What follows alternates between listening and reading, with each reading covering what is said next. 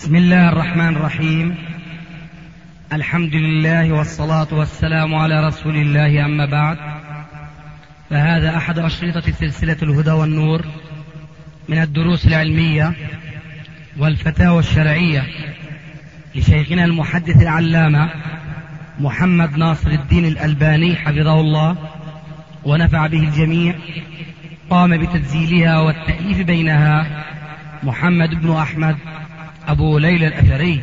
إخوة الإيمان والآن مع الشريط الحادية عشر بعد المئة الرابعة على واحد تحت عنوان مسائل فقهية في الحج وغيره.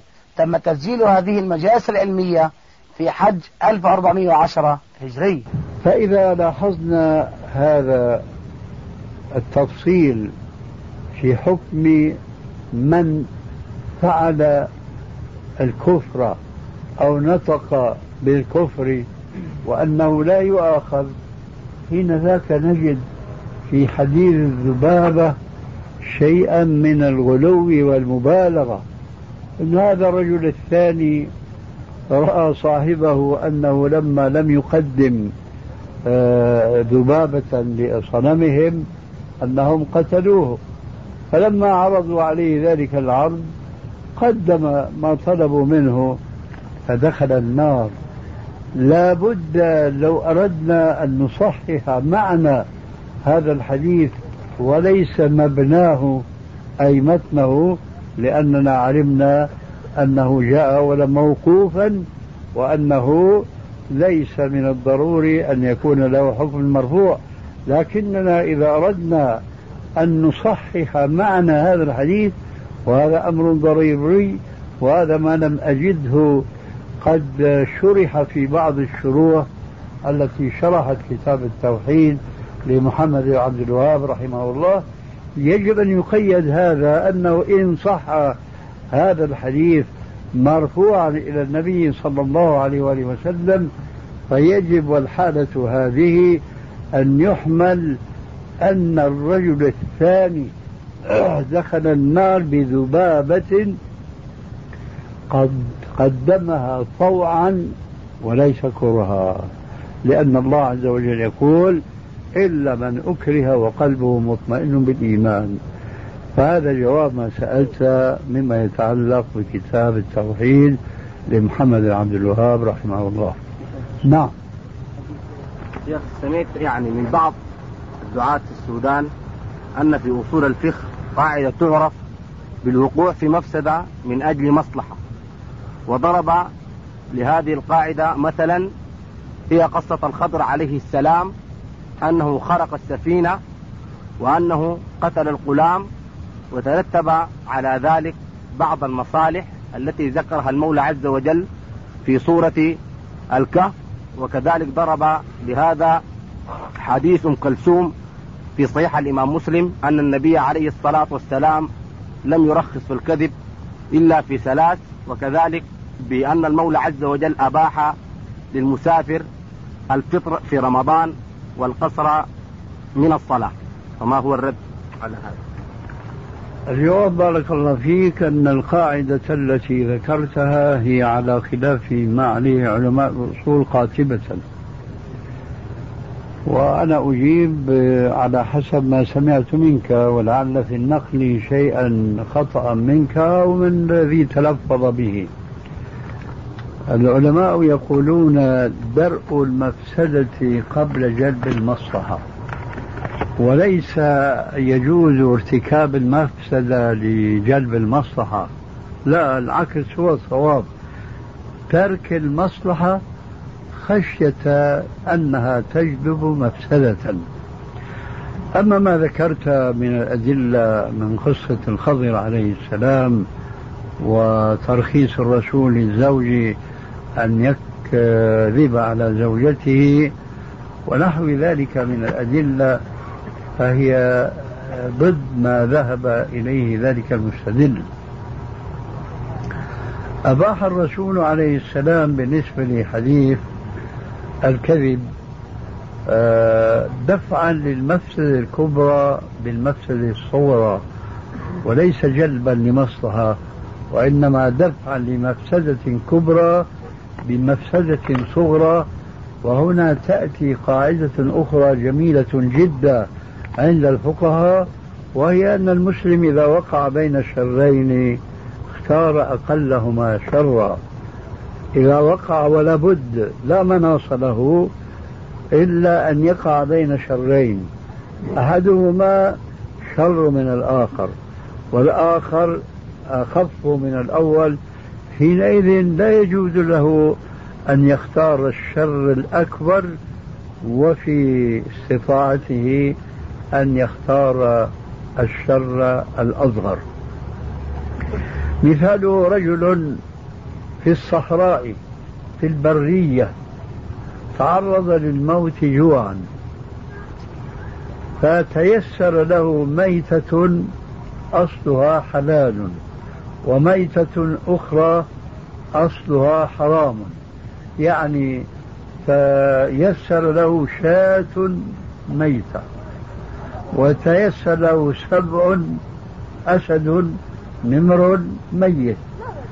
هذا النمر لو كان حيا وذبح فحرام أكله لأنه من السباع. أما الشاة فهي حلال. فهنا ميتتان. فهل له الخيار. أن يأكل من أيهما شاء؟ الجواب لا. يختار أقلهما شرا. أقلهما شرا هي الميتة التي كان أصلها حلالا. وهكذا آه نقول إباحة الرسول عليه السلام للزوج أن يكذب لزوج على زوجته إنما هو دفع المفسدة الكبرى بالصورة. هي كلمة. وهذه الكلمة إذا أتقن الزوج آه، الكذب فيها ومن أحسن ذلك أن يكون تعريضا.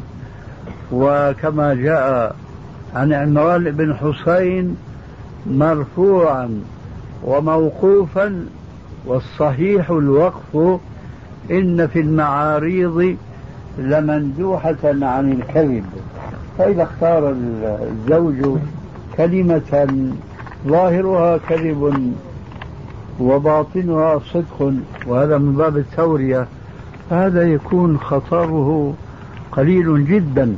بينما إذا صارها بالواقع فربما تنشز وتخرج عن طاعة الزوج ويكون السبب في ذلك هو سوء تصرف الرجل مع زوجته وعدم استعمال الحكمة معها ولو أنه اضطر إلى استعمال الكذب الذي لا ضرر ولا ذيول له من الأضرار. أما قصة الخضر عليه الصلاة والسلام فهي قصة استغلها طائفة من الصوفية الذين ليس من عادتهم أن يهتدوا بالكتاب والسنة بل هم قد خرجوا في كثير من سلوكهم ومن منهجهم في حياتهم عن كثير مما كان عليه النبي صلى الله عليه وسلم والسلف الصالح من بعده. وفي كثير من الأحيان يتكلفون تأويل النصوص من الكتاب والسنة حتى تتوافق مع انحرافهم أو انحرافاتهم عن هدي النبي صلى الله عليه وآله وسلم. ومن ذلك اعتمادهم في كثير من الأحيان على تصرف الخضر عليه الصلاة والسلام في تلك القصص الثلاث آه، بزعم أن الخضر عليه السلام كان وليا ولم يكن نبيا ومع ذلك فقد كان أعلم من موسى كليم الله هكذا زعموا. ولكنهم أخطأوا وضلوا ضلالا بعيدا حينما تأولوا قصة الخضر بتفاصيلها المذكورة في القرآن أولا وتفاصيلها الأكثر المذكورة في حديث البخاري ثانيا. تجاهلوا مثلا حكاية الله عز وجل عن الخضر عليه السلام أنه في نهاية المطاف قال لموسى وما فعلته عن أمري. إذا إنما فعل ما فعل من خلق السفينة وإقامة الجدار وقتل الغلام ما فعل ذلك إلا بأمر من الله تبارك وتعالى وذلك لا يكون إلا لنبي لأنه صحيح كما قال عليه السلام قد كان في من قبلكم محدثون فإن يكن في أمتي فعمر لكن المحدث وغير النبي. النبي يوحى إليه بوحي مقطوع به يستطيع أن يفعل ما لا يستطيع المحدث أن يتقدم إليه لأنه ليس معصوما وهذا هو الفرق بين النبي وبين المحدث. فلو فرضنا أن الخضر عليه الصلاة والسلام لم يكن نبيا كما يزعم الصوفية وإنما كان آه، محدثا ملهما. لكن الملهم لا يخالف الشرع. فقتله للغلام آه، وهو أهم ما في هذه القصة. غلام ما بلغ سن التكليف ولو بلغ سن التكليف ما ندري نحن أمؤمن أم كافر. أقول نحن أي الذين ليسوا معصومين وليسوا بأنبياء ولا مرسلين. فتقدم الخضر عليه الصلاة والسلام. لا أذكر خلق السفينة وإقامة الجدار فهذا كله سهل بالنسبة لقتله للغلام. فقتله للغلام لا يمكن أن يتقدم إليه إنسان لا يوحى إليه بوحي السماء الذي يجعله معصوما ويكشف له عن أمور غيبية لا يراه من دونهم من الناس الصالحين. فإذا كان الله يقول أولا في نهاية هذه القصة على لسان الخضر لموسى وما فعلت عن أمري. إذا كان تصرف الخضر بهذه الأشياء التي ما تحملها موسى عليه السلام وهو كريم الله لمخالفتها لشريعة الله. فكان جواب الخضر ما فعلت عن أمري؟ لم تنقم علي؟ وتفصيل هذا في حديث البخاري الذي أشرت إليه آنفا أن الخضر لما ركب هو وموسى في السفينة أرسل الله طيرا. فنقر نقرات من هذا الماء. فقال موسى ما علمي وعلمك بالنسبة لعلم الله إلا كهذه القطرات من هذا البحر. ثم قال له وهنا الشاهد أنت على علم علمكه الله. الخضر يقول لموسى أنت على علم علمكه الله لا أعلمه أنا. وهو الخضر وهو النبي. وأنا على علم الخضر يقول عن نفسه.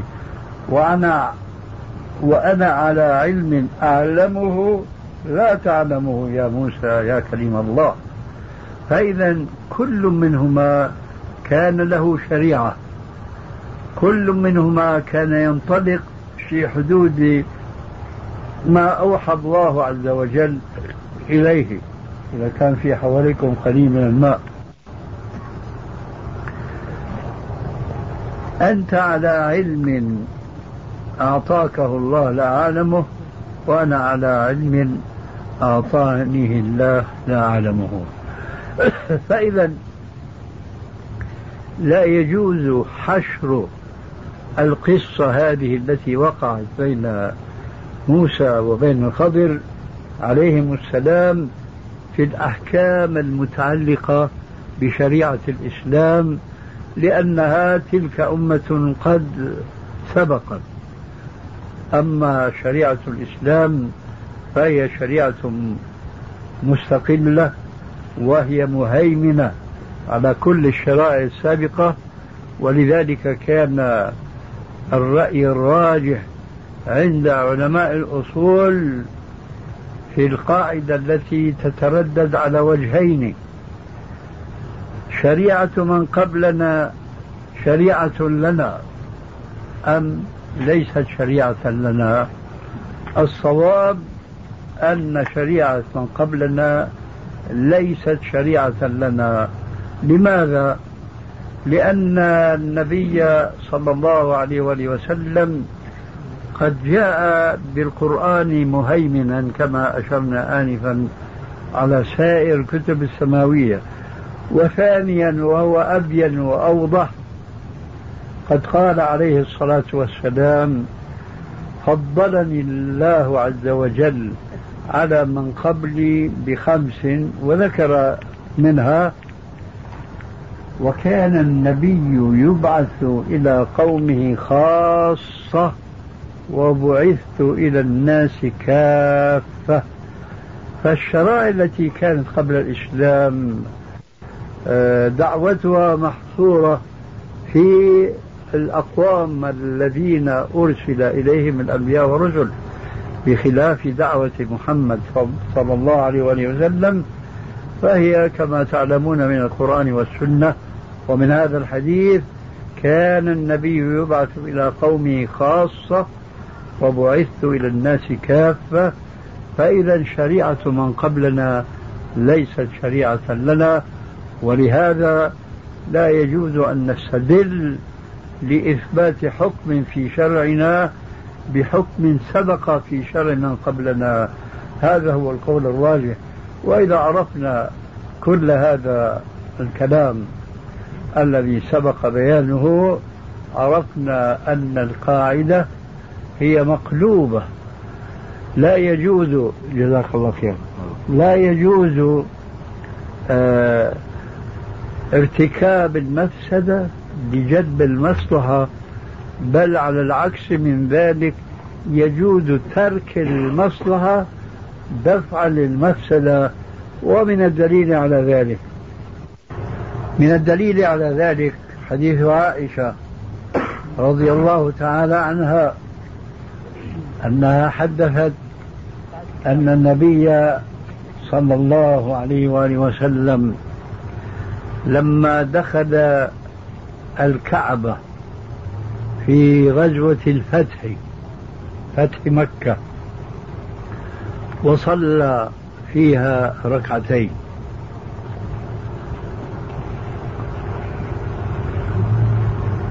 أرادت هي اقتداء بنبيها وزوجها صلى الله عليه وآله وسلم أن تصلي أيضا ركعتين.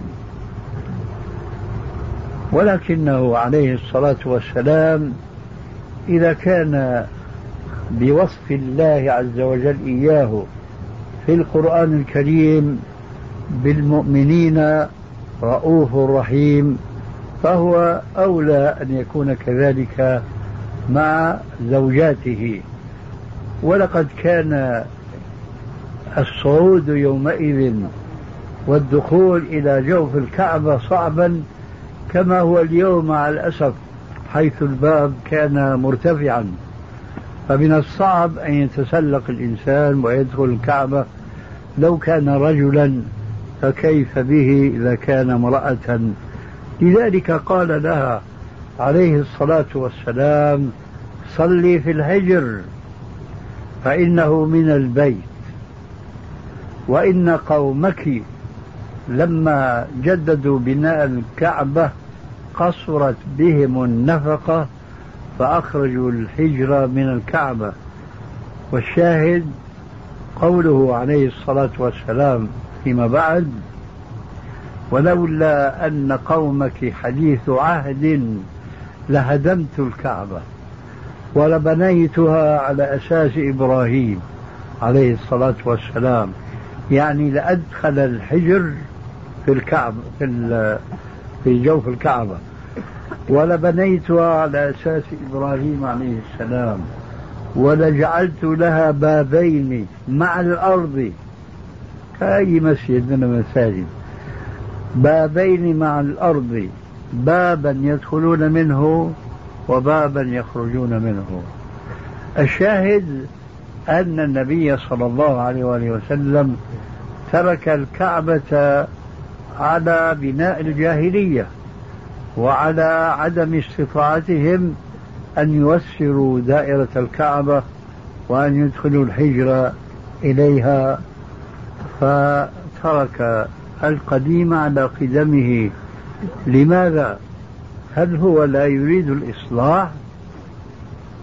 هو سيد المصلحين عليه الصلاة والسلام وبه عرفنا طريق الصلاح والإصلاح لكنه قد صرح في هذا الحديث أنه ترك توسيع الكعبة خشية أن يصيب بعض ضعفاء الإيمان شيء من الشك أو الريب.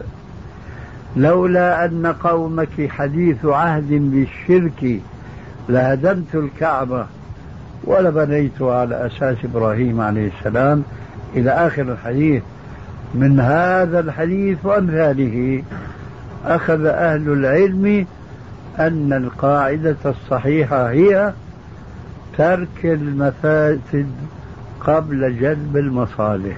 درء المفسدة قبل جلب المصلحة؟ هذا جواب ما سألت وأرجو أن أكون موفقا في ذلك إن شاء الله. تفضل. نعم. القصر مطلقا. تحديد وقت القصر تعريف السفر. السفر في القرآن الكريم وفي السنة ليس له حد محدود بمراحل يقطعها أو بأيام يسير فيها.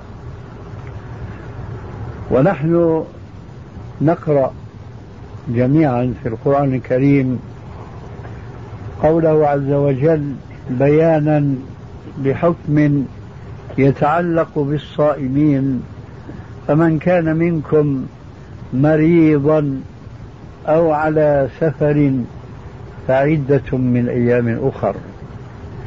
الشاهد قوله تعالى فمن كان منكم مريضا أو على سفر. فكما أنه أطلق المرض ولم يقيده بقيد كذلك أطلق السفر ولم يقيده بقيد ما. وعلى ذلك فكل من خرج من البلدة التي عاش فيها وسكنها يصبح مسافرا لأن السفر مشتق من الخروج من الإسفار وهو الخروج. فإذا خرج القاصد للسفر من بلده ناويا السفر فهو مسافر قصرت المسافة التي يريد أن يقطعها أو طالت. فالعبرة في تحديد السفر هو العرف واللغة وليس قطع مسافات آه الغالب أن أكثر الناس لا يعلمون المسافة التي قد يقطعها هذا المسافر.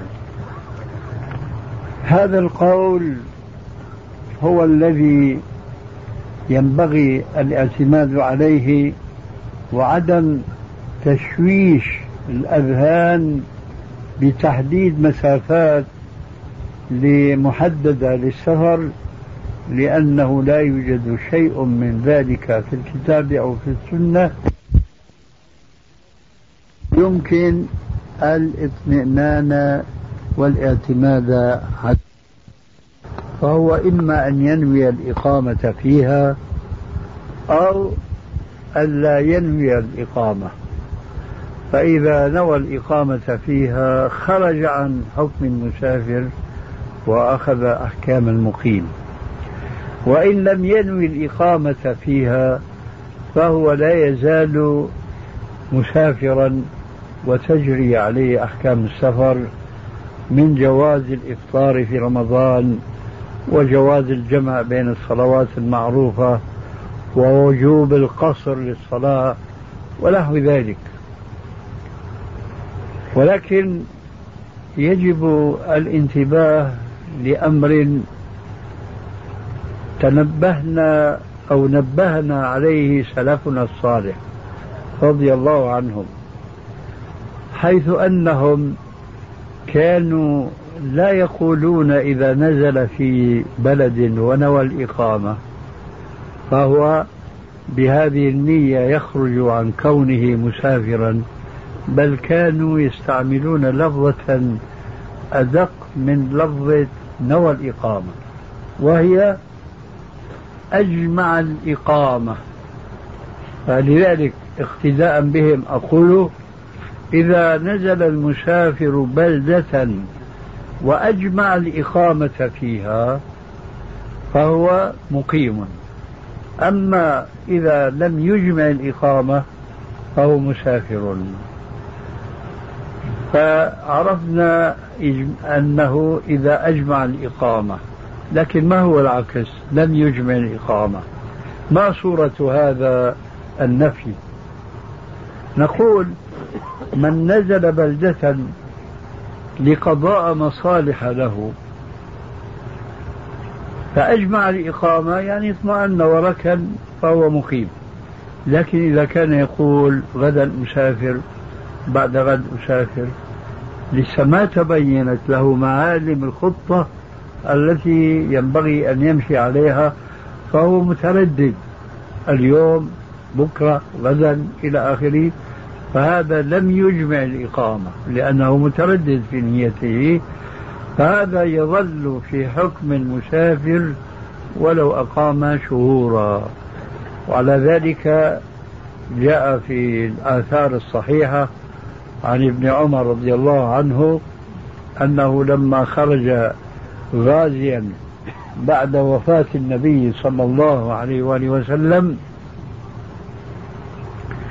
إلى نحو آه، خراسان هطلت هناك ثلوج فسدت عليهم الطرق فأقام هو ومن معه من الوزاة على السفر. يصلي قصرا ستة أشهر حتى تفتحت الطرق أمامهم ورجعوا إلى بلادهم. هذا ما يمكن أن يقال في خصوص السفر وتحديده وخلاصة ذلك أنه لا دليل في الشرع بتحديد مدة السفر أو مدة الإقامة وما جاء في ذلك فهو محمول على النية أي على جمع النية أو على عكس ذلك. وبهذا القدر كفاية والحمد لله رب العالمين بأني أرى الناس الآن يتهيئون لمصالحهم. يا الله والسلام عليكم. صغيرة السن صغيرة السن. آه. هذه واحدة. والأخرى ملحمة غير مشحمة. معنى الشحم كثير. آه، ما نبغى الشحم. الشحم كثير. ها؟ هنا خاصة لأنهم ما يأكلون هاللحم يعني ما يمكن تمييز واحدة على أخرى من حيث كثرة لحمها وقلة شحمها. لا في غنم ثانية أما بالنسبة للنعيمي مثل ما تشوف. طيب غنم ثاني أيوه. الحريف لكنها تختلف لا يجد فيها ولكن لحمها مجدي أطيب. بلا مصروف والحري ارغب وحده لا نحن نبغى يعني كثير وصغير لحم وفير وشحم قليل أيوه هذا ممكن يتوفر. هذا ما يتوفر في هذه. يتوفر هذه بس القرون. ما الشحم مثل ما شفت النبي أقل أقل من أقل من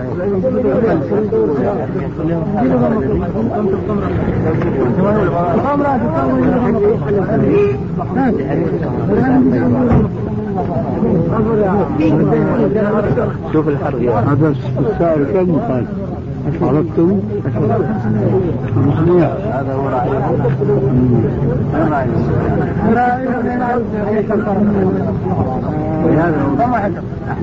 تعال يا أستاذ تعال فتوم كله كلها كلها كله صغير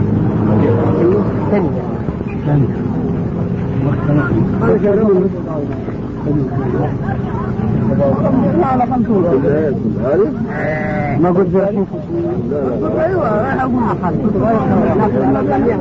ناخذ على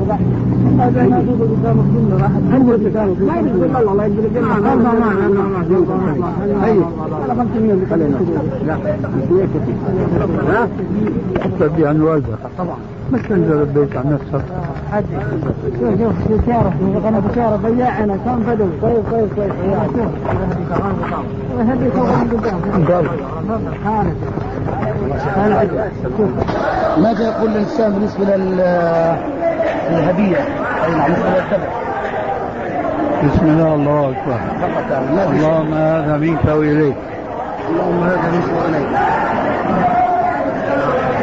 نحن الآن في مسلخ في مكة في أحد مسالخ مكة. هذا صحيح لكن هل هذا من عادتهم أو يعرفون هذا الشيء؟ لا ولكن إذا شرطنا عليهم نحن ما ظننا انه يكون هكذا ذبح أمام بعضها البعض. لأن كثيرا من الناس يجهلون ذلك. كثير من الناس يجهلون نهي الذبح. تقول إنه تريد أن تميت ميتتين راح 90% ومادة ثانية اسمها الكاديوم تغير لونه يصير لون أبيض وشديد بخصائص البلاتين. فيه كيف يصير حكم يا شيخ للرجال؟ حرام حرام. لأنه ذهب. أما لو كان بلاتين حقيقة ما هو بلاتين؟ أما كلها لو كان بلاتين حقيقة فليس بحرام. لأنه يغلب عليه الذهب صار حراما. شيخ رأيت الله في المنام. هل هي من خصوصيته صلى الله عليه وسلم أم لا؟ ويكثر في ذكر كتب التراجم. رأيت ربي ورأى فلان ربه ليس هناك ما يدل على الخصوصية وما معنى قوله صلى الله عليه وسلم رأيت ربي في أحسن صورة. نعم. المراد من هذا الحديث طبعا في المنام. في المنام. لو سمحت. في قراءة ابن مسعود وأبي بن كعب في قوله تعالى فصيام ثلاثة أيام متتابعات. هل هي قراءة ثابتة وهل يؤخذ الحكم الظاهر منها؟ لا أذكر. والذي نفسي بيده قال الرسول صلى الله عليه وسلم. نمرها؟ إيه؟ قال الرسول صلى الله عليه وسلم والذي نفسي بيده. آه. ما معناها؟ مع الصفات يعني اليد اليد اليد يعني؟ نعم قال الرسول صلى الله عليه وسلم. نعم. نعم. هذا إشكال؟ إن كان هذا إشكال فقوله بيده ملكوت كل شيء أشكال. وهذا حق كل شيء بيده تبارك وتعالى. لكن هذا الذي بيده لا نستطيع أن نكيفه نحن حسب مفاهيمنا الضيقة وإذا كان لا إشكال كما أعتقد في قوله بيده كل شيء ملكوت كل شيء وإليه ترجعون فلا إشكال بقوله عليه السلام والذي نفس محمد بيده أو الذي نفسي بيده. لكن هذه الإشكالات يريدها أهل البدعة لكي يعطلوا بها الصفات. شيخ ذهب الشوكاني في كتابه السيل الجرار المتدفق على حدائق الأزهار إلى عدم الاعتداد بتقسيم الوقت إلى اختياري وضروري. فما رأي الشيخ في كلام الشيخ؟ منفع طيب لحظة. نفيه غير صحيح. طبعا في وقت اختياري في وقت أفضل في وقت إيش؟ ضروري. فالذي يصلي العصر قبل أن تغرب الشمس يصلي ركعة. نعم. هو كالذي يصلي في وقتها. لكن هل هذا النقل صحيح؟ أي نعم.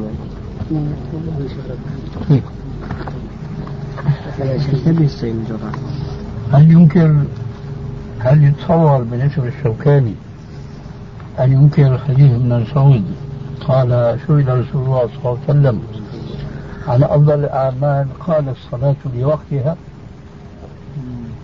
ما أظن يستطيع ينكر. أنا أخشى أن يكون في العبارة حذف أو اختصار أو سوء فهم شيخ هل يشرع لجماعة مسافرين أن يجمعوا بعد الجماعة الأولى في مسجد له إمام راتب لا. جماعة مسافرين. لا. يجوز إلا في حال كون مسجد ليس فيه أحد. نار. بحيث لا يظنون أنهم إذا رأوهم يصلون أن هؤلاء يعقدون جماعة ثانية. فإذا كان مسجد خالي صلوا ولا غير بالنسبة للستر الشيخ هل واجبة؟ واجبة.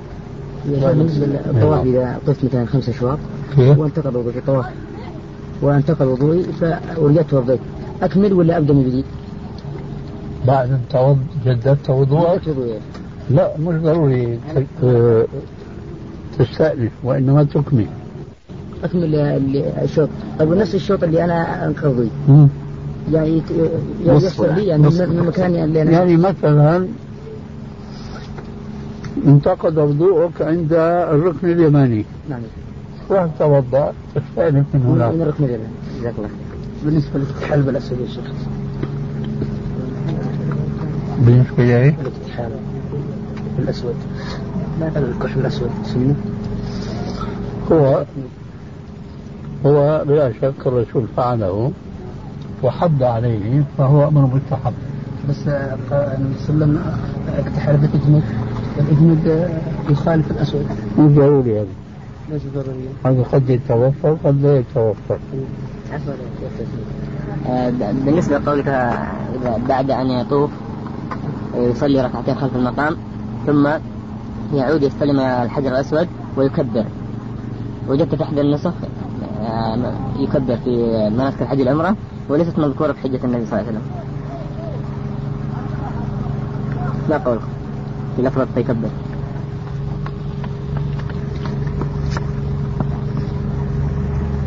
ما أستحضر الآن الجواب هل راجعت مناسك الحج تأليفي؟ نعم هو مذكورة في مناسك الحج نعم. ولي- وليست مذكورة في حجة النبي. أيوه. فأظنه خطأ من الطابع وأردت أن أتأكد من ذلك. يحتاج إلى إعادة نظر. شيخ آه،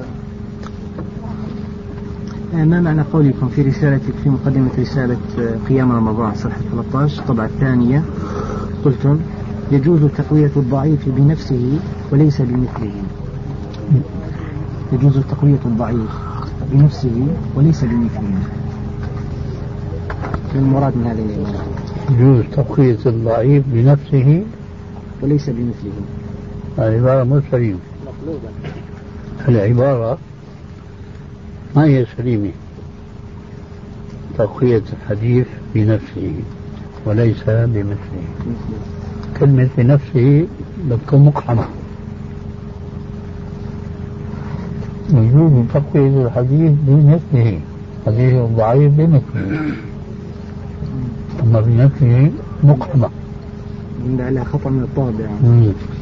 بالنسبة للشيخ الحبيب رحمه الله امرأ صلى قبل أفضل صحيح حسن حسن. بالنسبة للحديث الذي آه، من يجبر صلاة أخيكم أو من يتصدق على أخيكم؟ أنا رجل يتصدق على هذا فيصلي معه. هذه صحيح. إذا لا هذا يمثل جماعة ثانية نعم. يقول الشيخ السائل ماذا يعمل الشاب الساكن مع أخيه المتزوج إذا كان أخوه غائبا عن الدار؟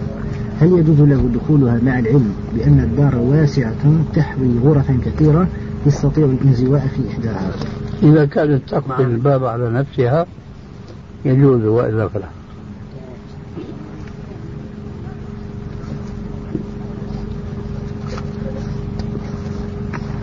لكن في سؤال الأخ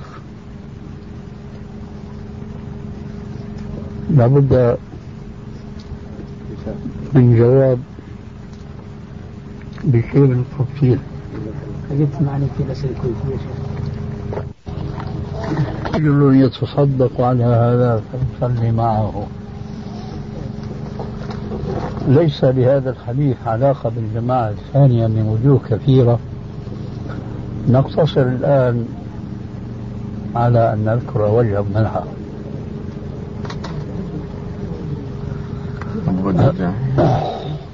إيه؟ إلى آخره. لا شك فيه متصدق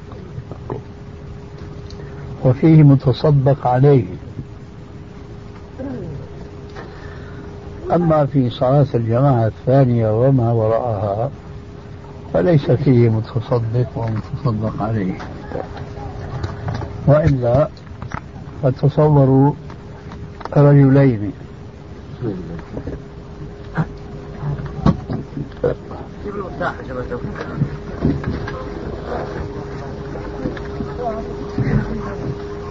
طلب المفتاح. رجلان دخلا بعد أن قضت الجماعة الأولى فأما هو أو أما أحدهما الآخر. من المتصدق؟ من المتصدق عليه؟ ولذلك حشر الحديث في هذا الموضوع خطأ واضح جدا. يتعجب الإنسان من كبار العلماء الذين يريدون هذا الحديث في باب الجماعة الثانية. لأنه غطي عجيب طيب في نهي؟ لا ما في نهي. في نهي عن لو دخل جماعة المسجد بعد الأذان يريدون أن يصلوا سنة الظهر القبلية مثلا. فصلوها جماعة. يجوز؟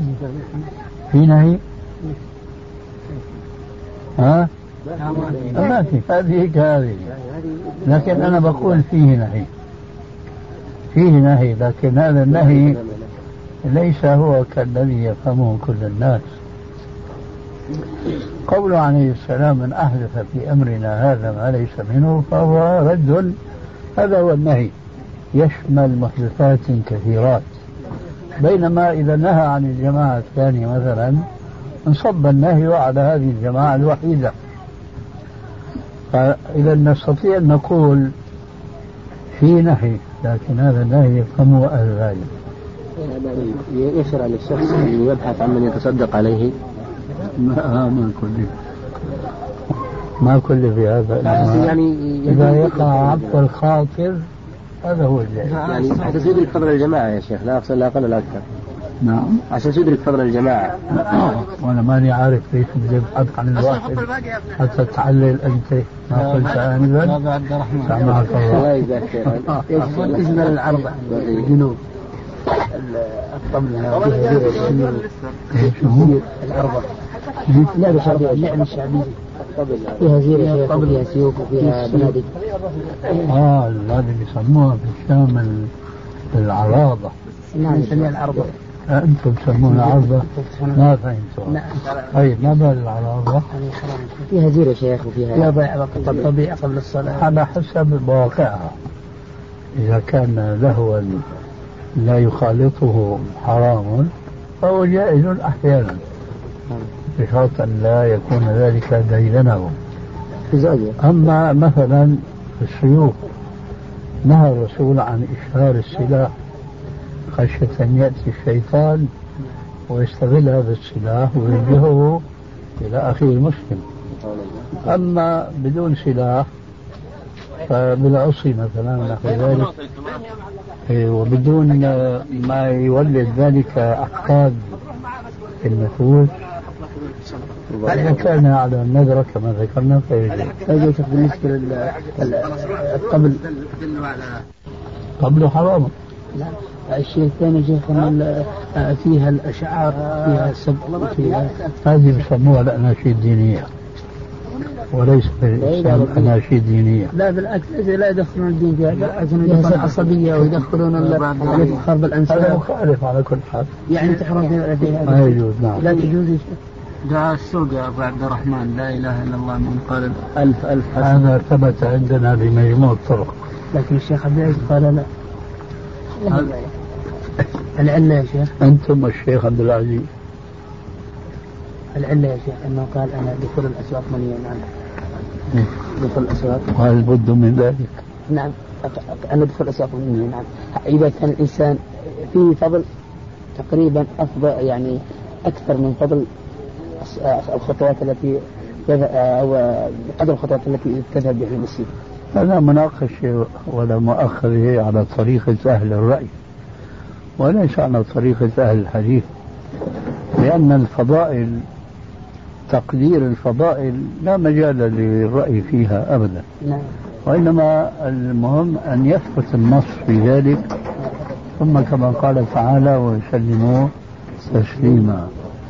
بعدين نحن نعكس هذا المنطق فنقول آه ذكر المسلم رب العالمين في الأسواق هذا دليل أنه من الذاكرين كثيرا ليه؟ لأن الأسواق مواطن الغفلة فهو لا يكون مع الغافلين بل يكون مع الذاكرين والذي كما جاء في بعض الأحاديث أن ذاكر الله عز وجل في الغافلين كالشجرة الخضراء في الصحراء. هذه تكون مثالية. شجرة خضراء في الصحراء الجدباء الجرداء كذلك الأسواق لكن ما نرى يا شيخ إذا يعني كان من الواجب على العلماء أن يذهبوا الأسواق ليأخذوا ألف حسنة وكان الناس جميعا حتى ولكن الأسواق فيها فتنة. لا هذا أيضا لا يرد لأن تكلف وقبل أن يتم كلمتي هذه. إذا كان هناك مسجد قريب من دارك ومسجد آخر بعيد عن دارك وكلاهما من حيث اتباع السنة سواء. هل يجوز أن تتخصص المسجد البعيد طلبا للثواب على قدر الخطى أنا وزن كلامك ستقول نعم وهذا خطأ لأن رسولنا عن تتبع المساجد؟ لكن لو كان الإنسان داره بعيدة عن المسجد فهذا أفضل من الذي داره قريبا من المسجد أما أن يتكلف هذا لا يجوز لأنه أخيرا حيصل الأمر إلى شد الرحال إلى المساجد الأخرى غير المساجد الثلاثة. وهذا منهي عنه كما أظن تعلمون. الحديث سننقل عنك نعم. صحيح الحديث بهذه العلل كيف؟ يعني غالب الآن جامعة الرياض. الحديث هذا يعني ضعيف. أي نعم. الذين يشتغلون بالحديث يا إخواننا يجب ان تعلموا حقيقة مرة. الذين يشتغلون بالحديث اليوم كبيرهم ناشئ. فضلا عن صغيرهم فهمتني؟ كبيرهم ناشئ في علم الحديث. فماذا نقول عن صغيرهم؟ أنا في كلية الحديث. آه كويس. لذلك هذا العلم أظن فهمتم ولو بعد رأي وبعد زمن أنه كان مهجورا قرونا طويلة ها؟ وليس كالعلوم الأخرى التي تتابع العلماء عليها لكن الآن في صحوة يقظة بلا شك لكن الذي يعني استيقظ في هذه الساعة ليس كالذي كان مستيقظا قبل ساعات بل هو مستيقظ الأبد والدهر كله فلا يستويان مثلا ولذلك فهؤلاء كبار المشايخ اليوم هم ناشئون في علم الحديث. وهم هذه نقطة مع الأسف طلاب العلم في غفلة عنها بل لعل دكاترتهم في غفلة عنها. ومجرد ما واحد يتخرج ياخذ شهادة دكتوراه في الحديث خلاص. سلمت له مقاليد الأمور. ليس الأمر كذلك. ولذلك فيجب أن لا تنسوا هذه الحقيقة. بالنسبة لصرف الهلا والعملة هذا غير إذا ذكرنا مثلا أنه إنسان عاش بين كتب الحديث المخطوطة التي لم تطولها أيدي كبار العلماء من قبل. وبين الذي نشأ بين بعض المطبوعات وهي الآن تطبع لكن الذي يطلع منها كثير من جد ولكن أنا في المكتبة الظاهرية كنت أفتح بعض الكتب المخطوطة وأسمع هذه الملاحظة التي ما تسمعونها كنت أفتح ورقة عن ورقة فكأنها ملصقة فلما أفردها هكذا إيش معنى هذا؟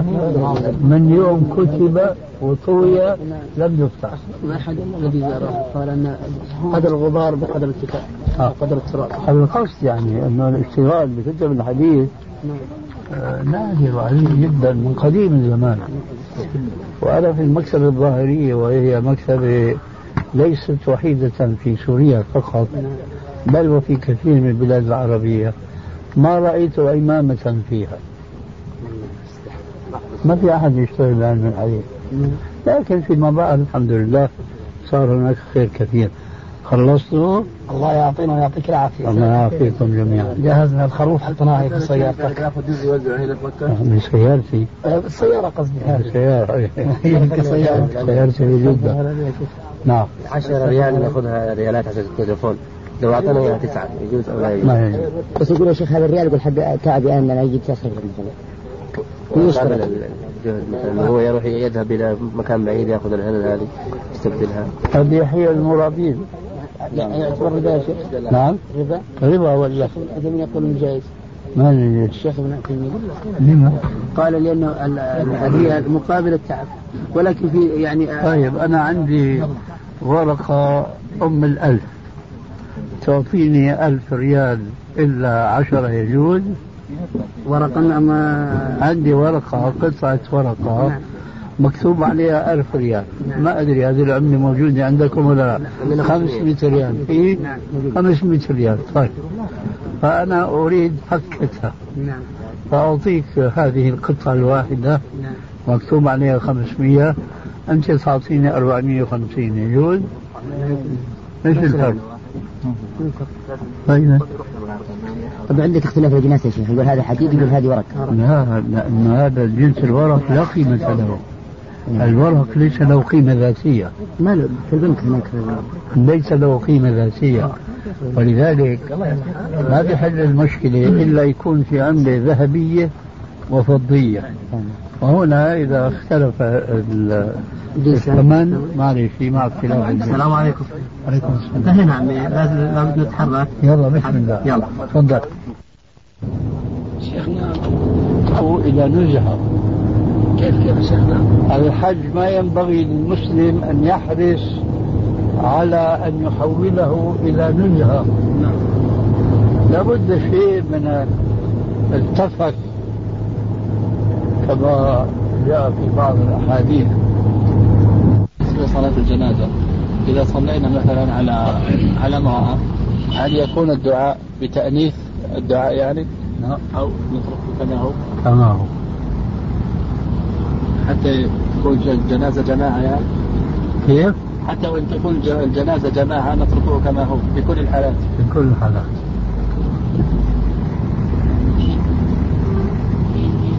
يعني نفهم أن الأدعية توقيفية. هو كذلك.